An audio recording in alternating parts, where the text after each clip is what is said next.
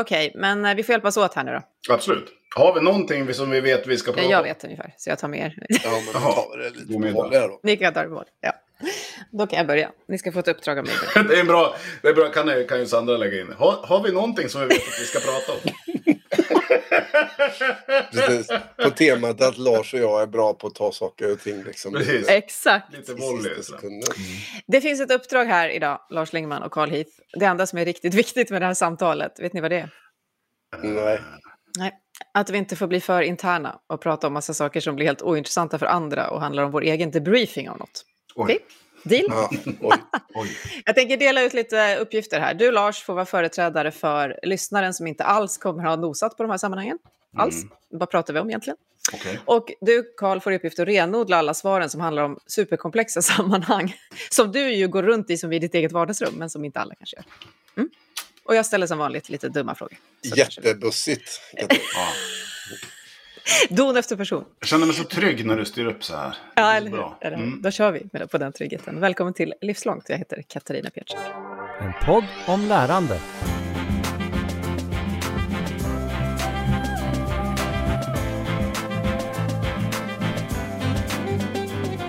Vi ska nämligen prata om nationen Sveriges lärande och kompetensutveckling och hur det ser ut i det området just nu. Och vad vi kan hoppas på att det leder till. Och vad som krävs kanske för att något ska hända. Och samverkan tror jag vi kommer att prata ganska mycket om. Och förhoppningsvis utöva då i den här lilla stunden. För vi har alla tre suttit med i ett slags program som regeringen initierade, startade 2019. Ett av fyra, där just vårt program handlade om livslångt lärande och att hantera Sveriges kompetenser. Och det är då ett samverkansprogram, det är därför samverkan kommer stå i fokus. Hur kan vi liksom beskriva det här programmet på bästa möjliga sätt? Vad säger ni? Så här, nu fick ni så mycket uppgifter så ni blev helt stumma. Jag får se nu. Jag skulle ju vara den som inte visste någonting. Ja, vadå Ja. samverkansprogram? Ja, Ja, men tack så jättemycket.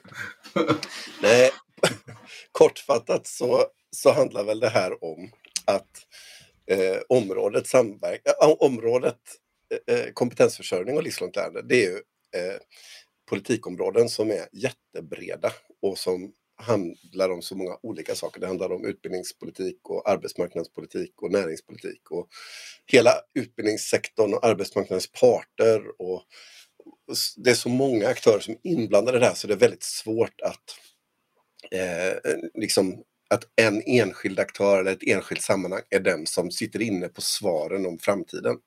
Och därför så, så hittade regeringen på det här sättet att arbeta på, ett samverkansprogram som gör det möjligt för alla de här olika aktörerna att träffas under omständigheter som gör att man kan eh, förstå utmaningar och hitta möjligheter framåt tillsammans. Och det är väl det som är liksom essensen bakom detta kan man säga. säga. Du behöver inte bara ställa frågor som är okunniga eller ovetande, Lars, men du har ju också suttit i den här samverkan, precis som jag. Mm, Vad- absolut. Hur är din upplevelse av det som liksom regeringen vill åt? Ja, men jag tänker väl så här. Jag och Karl har i, i, i flera år eh, tittat, eller pratat rätt mycket om förhållandet mellan någonting som är komplext och någonting som är komplicerat. Bland annat utifrån en, en forskning som heter Kaneven, stavas Synefin, som har ett ramverk. Där man delar in saker och ting i fyra delar. Där eh, det är enkelt, komplicerat, komplext eller kaos. Eh, och jag tror att eh, en sak som jag tänker att Karl beskriver här, det är just ett sätt att arbeta med det som är komplext. Det kan vara svårt när det är komplicerat, men vi vet att om vi gör vissa saker, vi kan räkna ut, om vi gör det här så kommer det här att hända.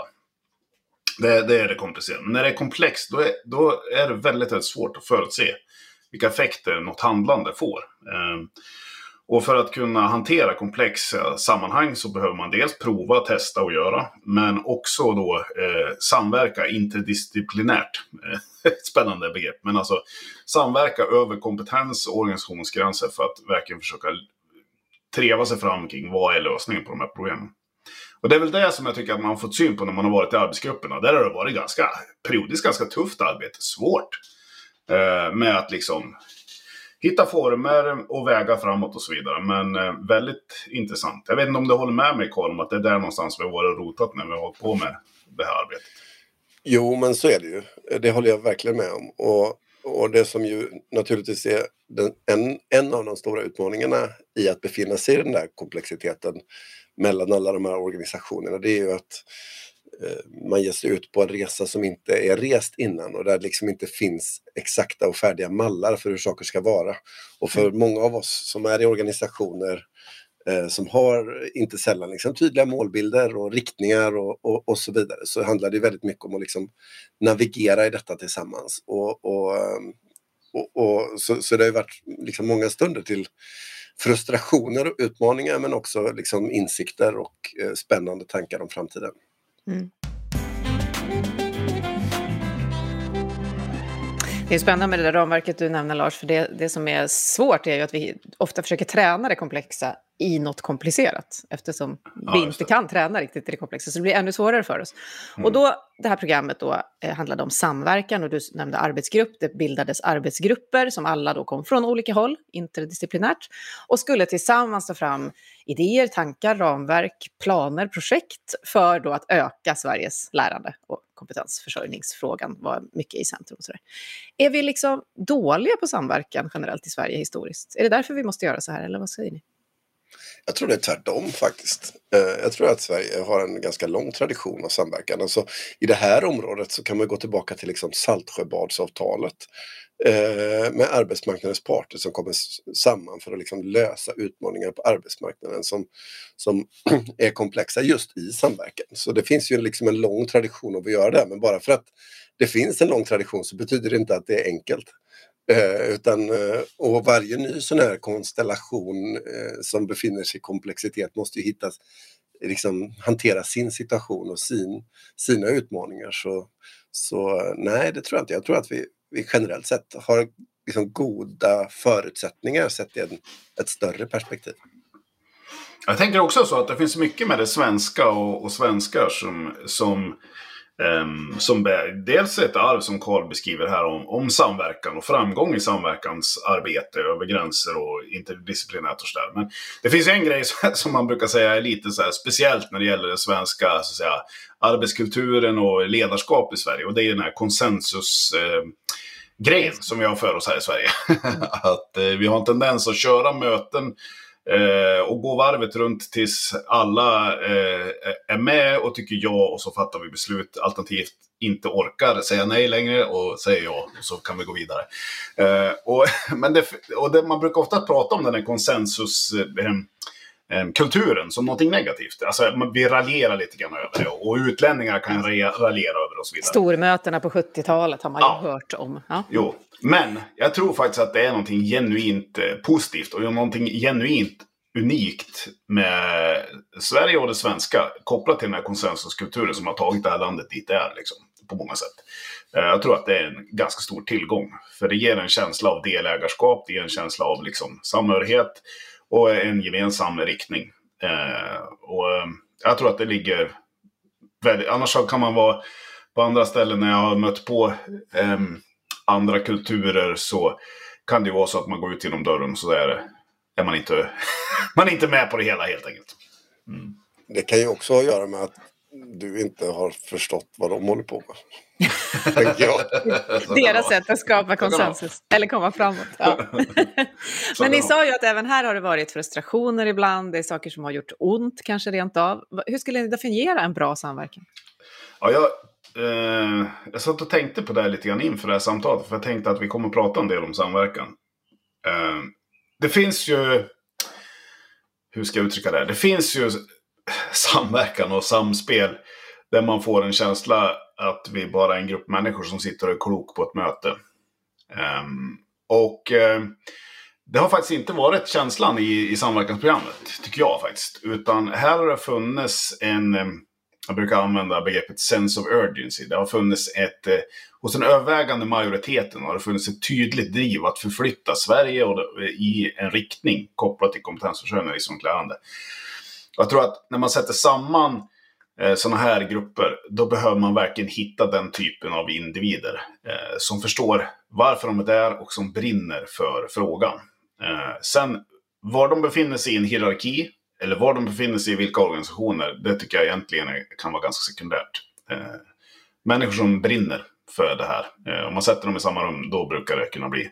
Och som är sådana också som kan gå till action och inte bara sitta och vara klok på möten. Säger du Karl. Jag har också funderat över ordet sam. Det finns ju med i många samarbete, samspel, samverkan. Alltså det är väldigt lätt att bli sen liksom nördig i vad är skillnaden på alla de här orden och Ja. vad betyder de och sådär. eh, det tänker jag inte kasta mig in i. Men i den här kontexten så um, har ju samverkan varit liksom alldeles avgörande för att faktiskt kunna skapa och möjliggöra saker och ting. Eh, och för mig så handlar det både om att samverka kring någonting, att samverka kring ett innehåll eller ett ämne och att då naturligtvis försöka vara överens om vad det där ämnet är. Det kan vara nog så svårt. Mm. Eh, Men sen handlar det också om arbetssätt och arbetsformer. Alltså hur går det till när man ska liksom arbeta tillsammans under omständigheter som är mellan organisationer och mellan strukturer och mellan sammanhang. Och det är inte alltid självklart och det kan vara ganska frustrerande och utmanande Eh, att befinna sig i det där eh, tillståndet och att det kräver att man så att säga eh, ja, både liksom tar höjd för både liksom vad man ska samverka kring och, och hur det går till. Och här tror jag liksom i ett sånt här arbete som var verkligen komplext, det tog ganska lång tid för oss i samverkansprogrammet att hitta de där arbetssätten och arbetsformerna som gjorde att vi fick framdrift och när vi väl började upptäcka dem och eh, hittade hur det här gick till, ja, då blev det helt plötsligt mycket lättare. Så, så det är liksom ett lärande i sig att befinna sig i den här typen av arbetsformer och logiker. Jag, jag kommer ihåg eh, eh, på eh, Vinnova-konferensen, Arena för livslångt lärande, som vi körde här den 16 eh, maj, så var ju Petter Forsberg med, en kollega till oss som jobbar med Governance Innovation. Och då kommer det här begreppet governance innovation in i, i leken. Va, vad är det? Kan vi förklara det lite kort?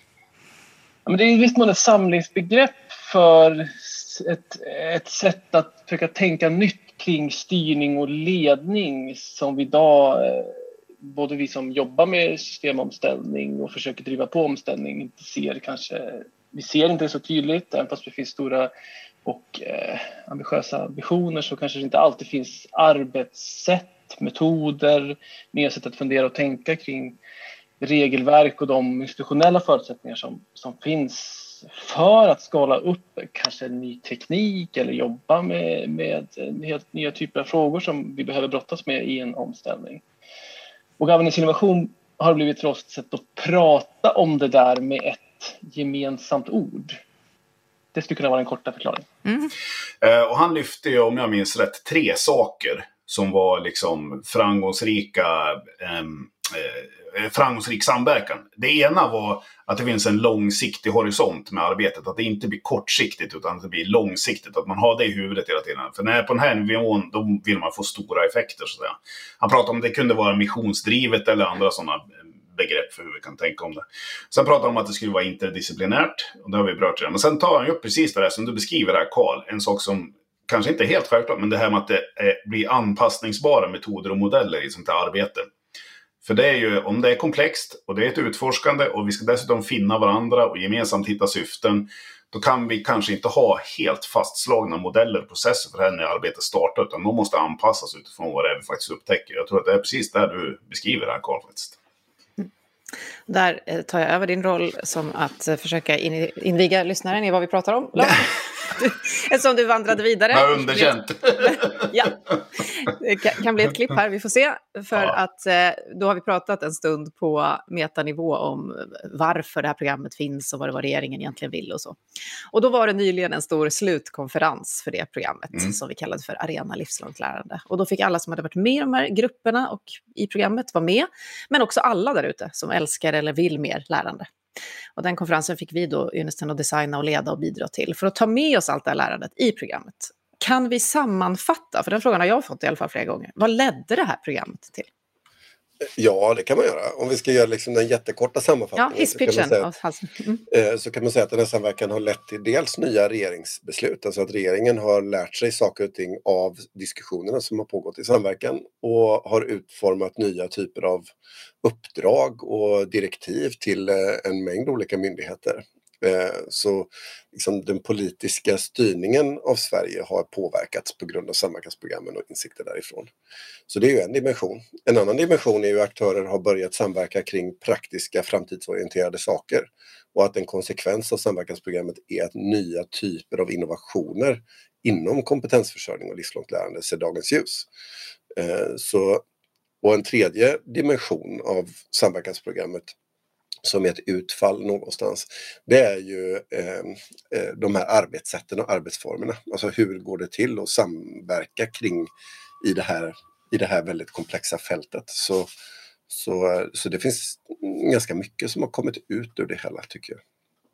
Och, och, och, till det kan man också lägga, alltså vi har ju ett antal konkreta projekt som har ganska, ganska stor dignitet som har satts igång utifrån arbete som har gjorts i arbetsgrupper och i samverkansprogrammet. Um, där vi har ju några som ligger nära oss uh, som gör det här på RISE i samverkan med många andra utav de som har varit med i samverkansprogrammen rörande mikrokompetenser, eh, uh, micro, microcredentials och sådana saker. Vi tittar på uh, um, kompetensutveckling för industriarbetare och sådana saker. Så det finns ju jättemånga också sådana konkreta projekt som verkligen har satts i sjön här och som redan är på gång, eller redan genomförs. Mm. Ja, för det var det jag tänkte på, att i de här grupperna, om det nu inte framgår, så har det ju kunnat sitta myndigheter, företag, från mindre till större företag, vi som forskningsinstitut, sådana aktörer som Omställningsfonden och andra. Så det har verkligen varit en blandning. Hur, hur, tycker ni, genom det du nu försökte konkretisera ännu mer, Lars, hur kommer andra märka det här? Hur, hur kommer det märkas i Sverige att det faktiskt blev en, en bra effekt av det här? Jag tror att flera av de här projekten som är igång, så de, de är nog det som kommer att synas eh, på något vis först tror jag. Eh, I sina leveranser. Sina, och några av dem är ju finansierade bland annat genom Vinnova eller eh, via andra eh, beslut. Ehm, och de har ju, kommer ju ha tydliga leveranser på vägen här. Eh, för att liksom, vi har eh, exempelvis Vigeo Dino som tittar på innovation i offentlig sektor kopplat, kopplat till kompetensförsörjning exempelvis. Det är ett, eh, ett ganska stort projekt som har kommit ur samverkansprogrammet. Och det kommer ju på många sätt kunna stötta till den nödvändiga innovation som behövs i offentlig sektor i, i Eh, eh, regioner, i kommuner och i de statliga myndigheterna. Att hjälpa dem att eh, hitta nya vägar till förnyelse som har ett genuint värde. Mm. Jag har ju ett projekt som har kommit upp här förut som jag är med i utifrån det här, Läran att lära. Det är också väldigt intressant, där vi ska försöka ta fram någon slags toolbox med stöd för hur vi lär och motivation och så. Det är något som väldigt många frågar efter. Och sen har jag blivit nästan besatt av det här som du nämnde i förbifarten Lars, med eh, kompetensutveckling i industrin. Och egentligen inte just för att det är industrin, utan för att vi pratar om den där innovationen och omställningen som något som alla borde förstå och ha förutsättningar för att delta i. Och så finns det grupper där vi, som vi har lämnat helt därhän och som har villkor i vardagen som gör att de inte överhuvudtaget kan karva ut någon tid för det här lärandet. Så det är mm. också sådana saker som vi förhoppningsvis tänker ska märkas, eh, tänker jag, i, i framåt. Och du nämnde också regeringsbeslut, Karl. Eh, kan man säga något konkret om vad det är som har tagits för beslut i Danmark? Ja, men ett konkret beslut eh, som uppstod för ett år sedan som en konsekvens av samverkansprogrammet det är ju arbetet med en eh, gemensam datainfrastruktur för kompetensförsörjning och livslångt lärande som handlar om att eh, ska man kunna dra nytta av den data som finns i utbildningssektorn och kunna använda den som eh, invånare i Sverige på ett bra sätt. Eh, och ska myndigheter kunna utnyttja det här då behöver eh, olika myndigheters eh, data prata med varandra. Eh, och saker och ting behöver organiseras på ett sätt som gör att liksom, det här pusslets pusselbitar hänger samman med varandra. Och eh, det här uppdraget till, från då tre departement till åtta olika myndigheter är ett uppdrag som inte hade blivit av tror jag på det sätt som det ser ut om det inte var för allt eh, det inspel som ägde rum från samverkansprogrammet. Mm. Så det är ett, eh, ett sånt konkret exempel och sen har ju diskussionerna och samtalen i samverkansprogrammen kommit att färga, tror jag, eh, många andra regeringsbeslut Eh, under den här perioden i olika sammanhang. Det har ju varit eh, till exempel eh, frågor kopplade till det här omställningsstudiestödet som planeras att träda i kraft under våren 2023. Det har varit ett annat sånt exempel på politik som har berörts i samverkansprogrammet. Mm. Och då tar du upp det, vi hörde Petter Forsberg om långsiktighet, om att governance innovation, som, ju, som jag förstår är ett uttryck som då samlar allt det där som vi tänker att vi borde utveckla när det gäller samverkan. Men att, det, att vi har en känsla av att det har varit för många stuprör och att du nu beskrev att här har man lyssnat på att försöka koppla ihop då. Att man som medborgare inte ska hamna som någon slags pingpongboll emellan så. Eh, vad, vad tänker ni om, har vi en chans att verkligen komma bort från den typen av, alla pratar ju om att vi inte kan jobba i stuprör. Jag, tror, att, ja, jag tror absolut att vi har en chans att göra det, men det är ju inte lätt. Alltså det är en svår utmaning för, för liksom, i den svenska eh, offentliga infrastrukturen, den bygger ju liksom på gamla idéer. Gå tillbaka till liksom Axel Oxenstierna och framåt om eh, självstyrande myndigheter som får uppdrag eh, genom regleringsbrev eh, från ett departement. Eh, och ju mer komplext samhället blev blir ju mer eh, av en väv blir det som uppstår liksom mellan alla de här aktörerna.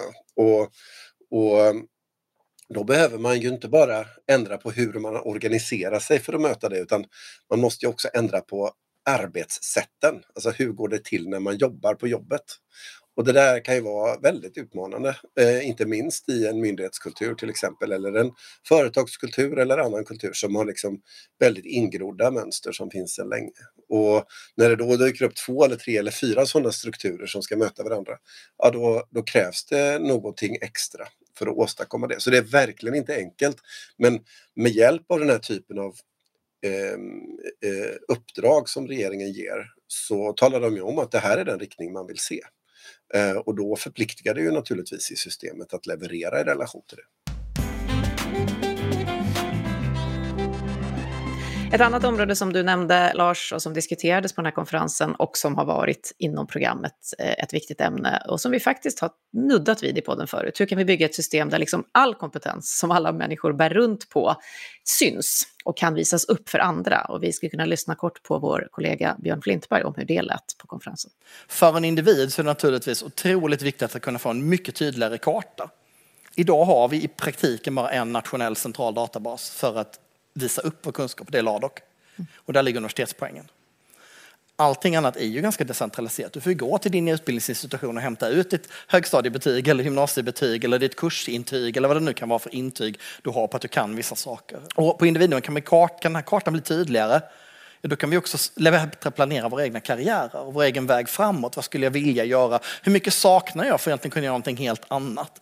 Det finns fantastiska exempel på det i närtid. Vi har ju sett under pandemin hur eh, flygkabinpersonal ganska snabbt kunde omskolas till vårdpersonal därför att en hel del av det som ingår i yrket, service, bemötande, lättare skötsel av människor som behöver hjälp, allt det där är ju kompetenser som man redan har och så behöver man lägga på ett par nya. Då. Men det ser man inte när man pratar yrken. Man måste bryta ner det i kompetenser och kunskaper och färdigheter. Och då kommer vi bort från kurserna. Då kommer vi in i vad man kan. Äntligen. Mm. Ja. En tongivande del av den konferensen handlade ju alltså om att få med många, alla helst, ombord på det här lärande och kompetensutveckling som eh, alla eh, pratar om. Eh, vad har ni haft för tankar, både då på konferensen men under programmet, om det? Vad vi behöver göra mer för att få fler ombord? Jag tänker nog framförallt om det här behovet av mikromeriter och så vidare. Jag tror att jag sa det i något panelsamtal på konferensen också, att jag ser det framförallt faktiskt som en framtids, eh, ett framtidsverktyg.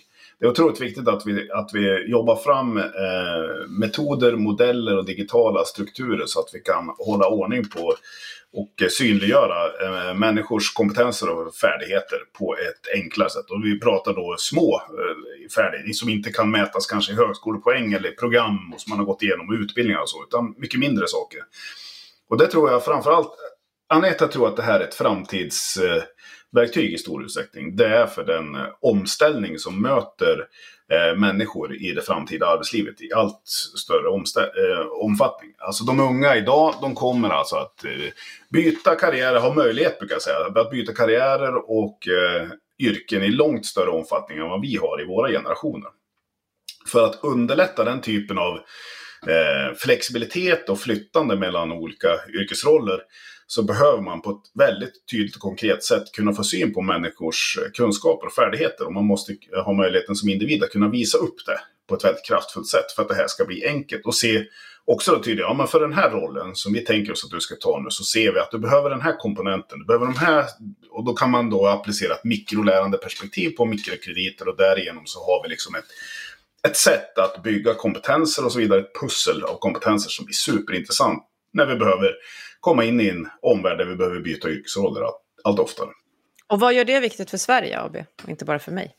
Ja, men vi ser ju en, en samhällsutveckling med liksom accelererande omställning drivet av sådana saker som digitalisering eller andra. Det kan vara globalisering, individualisering, åldrande befolkning. Alla de här Klimatfrågan. klimatfrågan, alla de här megatrenderna ställer liksom nya eh, frågor till, till yrkeslivet skulle man kunna säga. Som vi behöver möta upp dels som företag, offentliga organisationer men också som individer för att kunna vara en välmående medborgare i ett framtida samhälle.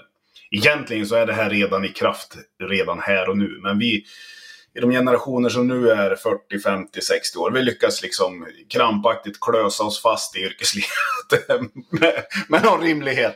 Men för de yngre så behöver de ha mycket lättare att, att flyta mellan. Och jag, faktiskt en sån så fort jag pratar med unga om det här så försöker jag verkligen ge dem en positiv bild av det. Så det är väldigt lätt att vi äldre eh, ger en negativ bild till ungarna om, ungdomarna om det här. Men jag brukar faktiskt säga att ni kommer ha möjligheter att byta jobb och karriär på ett sätt som jag aldrig har haft möjlighet att göra. Och det ska ni se som en otrolig liksom, eh, förmån eller möjlighet som ni har i ert framtida yrkesliv. Faktiskt. Mm. Mm. Tillgång. Vad tänker du, Karl? Om vikten av det här? Jag tänker att en effekt av ett sånt här eh, system eller ett nytt sätt att se människors kunskap på rent praktiskt.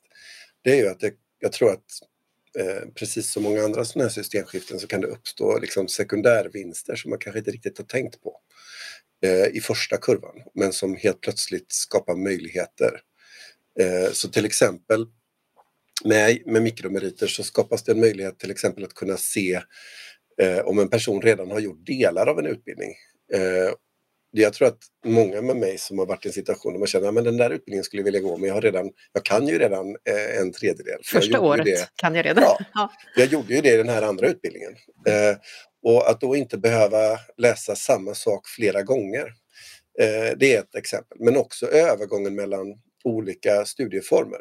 Att kunna eh, gå från ett universitetssammanhang och in i en yrkeshögskoleutbildning om man behöver toppa upp med någonting specifikt i, i sin profession och så vidare.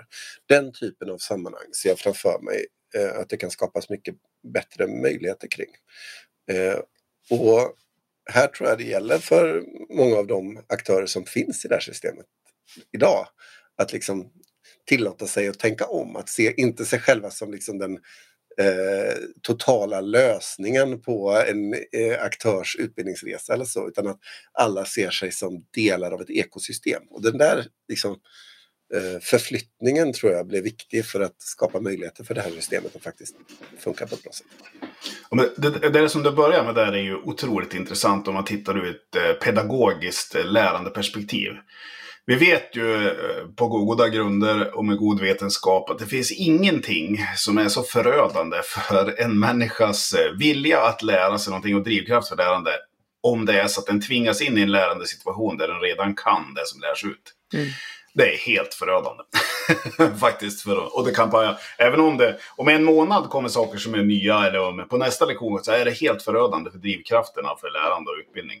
Um, och ett sånt här eh, med mikromeritsystem, det ger ju då möjlighet, precis som du beskriver där Karl, och som jag var inne på lite grann också, det här med att kunna lägga det här pusslet så att man kan möta de som ska lära sig saker och ting precis där de är. Eh, det här, skickliga lärare exempelvis i, i, skolan och så, eller skickliga utbildare, de har, använder eh, exempelvis kan de använda något som heter entry tickets. Eh, oftast pratar man om exit tickets, alltså någonting man gör i slutet av en lektion eller ett pass för att kolla läget, har vi lärt oss och så vidare. Men entry tickets är egentligen mycket mer intressant för det ger möjligheten att få syn på okay, var befinner sig de här eleverna kring det vi precis ska gå in på nu. Så att jag som lärare och utbildare kan försöka möta upp det behovet så bra jag kan. Så jag inte säkert, så säkert att jag inte har missbedömt det liksom, och träffar helt fel. För då blir det förödande. För, eh, och framförallt om man är någon som har som är i yrkeslivet, har lite tajt med tid och har vikt tid till en sån här grej. Och så kommer man dit och så inser man att holy shit, jag kan 75% av det här. Jag vill bara ha åt det där som är sista Eh, för, det vi låter det som är på fredag förmiddag. Men jag behöver sitta här i två till dagar innan det är där. Just det. Förödande. Mm. Och då, eh, vi hade ju några talare på den här konferensen, vi har hört ett par, men eh, en för livslångt lyssnarna bekant eh, talare var Per Lager som just pratade om det här med att få med alla och hur man kan försöka hitta det inom organisationer. Mm. Och också Ella Galvis som kom från ett projekt i samverkansprogrammet som heter Switch to Sweden. Vi kan lyssna lite på de två också. Det som eh, många brottas med är ju tiden. Hur får vi tid till lärande då? Och vill lära någonting som sker innan jobbet och efter jobbet och inte under. För många säger just att det är tidsbrist som gör att man inte lär sig tillräckligt. I took some help from an AI, as you heard in the beginning, Yes. and you do that as well. Yes. Without going into exactly how does that work, but how can it help you? How can this AI help you? Yes, so we're trying to do this matchmaking between international talents and our Swedish organizations in a systematic way. Therefore, we use an AI tool to match skills that are wanted from companies and offered by international talent. And we do this uh, on a daily basis. Right now, we have a special activity for Ukrainian talent, but also for PhD students from a very particular group called Marie Curie Stipendiater, which are like highly skilled and uh, experienced researchers. And the idea is to retain them in Sweden. Och då tänkte jag höra, Ella pratar ju här bland annat om AI som ska öka förutsättningarna för att få syn på de här kompetenserna. Också Switch to Sweden handlar om kompetenserna som kommer till oss, till Sverige, som människor har. Att vi ska hitta dem och att vi har en matchningssystem för det så att vi inte missar dem. Så. Och då är jag nyfiken på hur mycket tror vi att tekniken kommer kunna hjälpa oss med allt det här som vi pratar om för att Sverige då ska bli så här kompetenskraftig nation? Ja, eh, AI förutsätter nog nästan i någon utsträckning att det finns någon data och information att behandla. Ehm, och det är väl där som vi behöver, så parallellt med att vi tar fram ny sån spännande algoritmisk teknik så behöver vi också bygga den digitala så att säga, bakomliggande infrastruktur som gör det möjligt att hålla på att eh, få syn på nya saker och rota i det där. Mm. Vad tänker du Carl? Jag tänker att det vi hörde på konferensen, men också i liksom den vidare kontexten, så ser man ju att jo, visst spelar teknikutvecklingen en roll. Och ny teknik öppnar upp för möjligheter och utmaningar. Och den behöver vi ju ta, ta in i ett sånt här arbete och, och, och för att förbättra. Samtidigt så gör det sig inte på egen hand utan ny teknik innebär också, som vi var inne på tidigare, nya arbetssätt, sätt att jobba på, nya sätt att samverka på, nya överenskommelser som behöver göras. Så det handlar ju både om den nya tekniken, eh, det handlar om vår insikt om hur den tekniken kan användas, men också våra eh, organisationers förutsättningar att faktiskt eh, omhänderta det här nya som, som kommer. Så det är inte liksom, jag tror inte det går att peka på tekniken som möjliggöraren eh, enkom, utan det handlar väldigt mycket om, eh, om just det här eh, komplexa som vi har pratat om. Mm. Och då, eh, Per Lager är ju på Försvarshögskolan och han pratar väldigt mycket om det här i organisationer och det gjorde förstås vi också på den här konferensen och varje dag annars, lärande organisationer för ett lärande samhälle. Du var ju med, bland annat Lars, i samtalen. Mm. Alla frågar efter det, tillsammans ska vi liksom skapa det här samhället. Och vi kan lyssna också på några inspel från Johan Eriksson på Google och Jonas Westerlund som är konsult inom då framtidens arbetsplats. Vad som gör att jag brinner så mycket för livslångt lärande eh, och varför jag tror att vi behöver ha en revolution inom livslångt lärande, inte bara lite här och lite där. Och det är den enkla insikten att i en värld som hela tiden förändras, då är den enda långsiktigt hållbara strategin för varje individ, varje företag, varje organisation, varje myndighet, varje nation, det är att lära sig saker åtminstone lika snabbt som världen förändras och omsätta de lärdomarna i relevant innovation. Det är den enda långsiktigt hållbara strategin. Kontor behöver minska trösklarna för alla former av arbete. Vi måste minska trösklarna för arbetsro så att vi sen kan öppna våra sinnen, träffa andra, samarbeta med andra. Eh, vi kommer inte vilja åka in till kontoret och enbart hitta lounge eller mötesrum och blockera bort möjligheten att lära och samarbeta komplext med andra. Så eh, det är det jag vill skicka med. Värna om arbetsro och minska trösklar för allt för att skapa förutsättningarna för lärandet. Jag kan tänka att till exempel när jag hör Johan, varje gång jag hör Johan, så tänker jag, men hur kan det vara så svårt? Om vi alla bara bestämmer oss för att jag vill lära, eh, som om det vore lätt för alla, och om jag bara vet vad jag vill lära, som om det vore lätt att få syn på, och så bara skulle vi få in det här och det ska vara kul och det ska vara låga trösklar och sådär.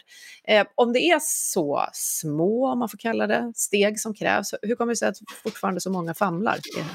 Ja, men det är svintråkiga svaret på det där som alla nog har hört 2000 gånger. Det är förhållandet mellan tid och prioriteringar. och det, ja, eh, det är liksom, ja, vi kan prata runt det faktumet eller så adresserar, vi den här elefanten i rummet. För att ändra är det cheferna som säger att de inte har tid, eller så är det de anställda som säger att de inte har tid. Eller så är det organisationen som inte är beredd att lägga tid på det här eh, och så vidare. Men egentligen så, Johan Eriksson brukar faktiskt prata om det, eh, det här med att eh, tid är ju väldigt demokratiskt fördelat. Alla har lika. Eh, men vi kan inte uppfinna mer tid. Vi kan liksom inte trolla fram mer tid. Utan det vi har att göra det är alltså att jobba med prioriteringar. Mm. Och det är bara först när vi pratar om det som prioriteringar som det blir hanterbart för människan också. I och med att tid kan vi inte bara trolla fram. Utan det är prioriteringar vi ska prata om varje gång tidfrågan kommer upp. Mm jag provtänker lite. Det finns något samspel mellan så att säga, medarbetare och chefer och ledare här. Om att just komma fram till att ja, det här handlar bara om prioriteringar. Och det är det vi måste prata om hela tiden. Mm. Uh, och det kommer på skittuffa beslut. Ja, och att fler och fler pratar om att vi, har, vi börjar komma till någon slags, eh, inte vägs ände, men fler och fler tänker att den här effektiviseringen och den här otroliga leveransfokuset, eh, att, att vi börjar komma lite till ett vägs ände. Att vi måste se mer långsiktigt och vad vi investerar i de där prioriteringarna. Mm. Eh, jag vet inte om ni håller med om det, men jag tycker jag hör ett sånt samtal pågå där ute ganska mycket. Sen tänker jag att liksom en av de sakerna som jag tycker eh, Johan belyser väl, det är just vikten av att sätta den som ska lära sig i centrum för hur man organiserar saker och ting. Eh, och inte sätta sin egen utbildningsorganisation i centrum till exempel. Eh, vad är det som funkar för oss i vår organisation för att utbilda de mm. andra? Eh, det borde ju rimligen vara en sekundär konsekvens av hur eh, man skapar de bästa förutsättningarna för ett lärande. Och där finns det ju så oerhört mycket att göra eh, när vi ställer om de offentliga, offentligfinansierade formella utbildningssystemen från att kanske primärt ha jobbat med att utbilda personer som befinner sig i utbildning hela tiden till att också börja utbilda personer som befinner sig i ett arbete. Mm. För då är förutsättningen annorlunda och betingelserna annorlunda och det kräver liksom ett annat sätt att bedriva utbildning på, mm. möta människor på och så vidare. Och där tror jag det finns en väldigt lång resa eh, att göra för oss i att skapa en, ja, en, ett system som faktiskt möter människor där de befinner sig och ger dem möjligheter så mycket som det går att lära sig. Mm. Mm. Ni var inne på interdisciplinaritet. Jag var tvungen att ladda för att säga det ordet ens. Och jag vore ju inte jag då om jag inte tog upp till sist det vi också bestämde oss för kring den här konferensen. En faktor som är viktig för lärande och som vi bara måste lyssna lite mer på i de lite mer oväntade inslagen under den här dagen. Jag är poet som är här idag. Jag har alltid fascinerats av hela så här galen geni-grejen. Um, så jag skrev en dikt om Vincent van Gogh som heter Vincent. Vincent loved painting at night. He believed the darkness was more alive and colorful than daylight, so he lined his hat with candles so he could see. To me, that is beautiful. To others, that is crazy, but art historians say that his mania is a reason why he could see the starry night sky swirl like that.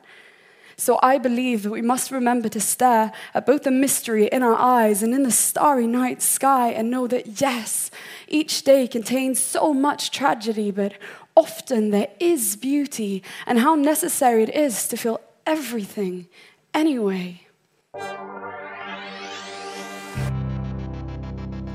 Hej allihopa! Välkomna tillbaks. Var det trevlig lunch? Nu är det så här, vi har bett folk skriva lapp lappar här, repliker som man kan säga när man samverkar. Och nu ska vi ju använda de lapparna Ja, här det tänkte vi göra. Ja. Och, eh, Vi har ju inte, för er som inte, vi har inte läst dem, vi har ingen aning om vad det står läst. här. Eh, Och då skulle vi vilja ha en situation eh, där samverkan inte funkar så bra. Barnkalas. Hej, här kommer jag med Elvis. Elvis, vad roligt. Elvira har längtat så mycket efter dig, Elvis. Du kan väl säga något Elvis?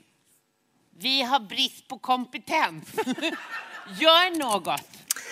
Vi hörde kort från Antonia Eriksson som är estradpoet och improvisationsstudion i Stockholm som läste lite från input de fick av eh, människorna i det rum som vi höll konferensen i, de som inte var med online.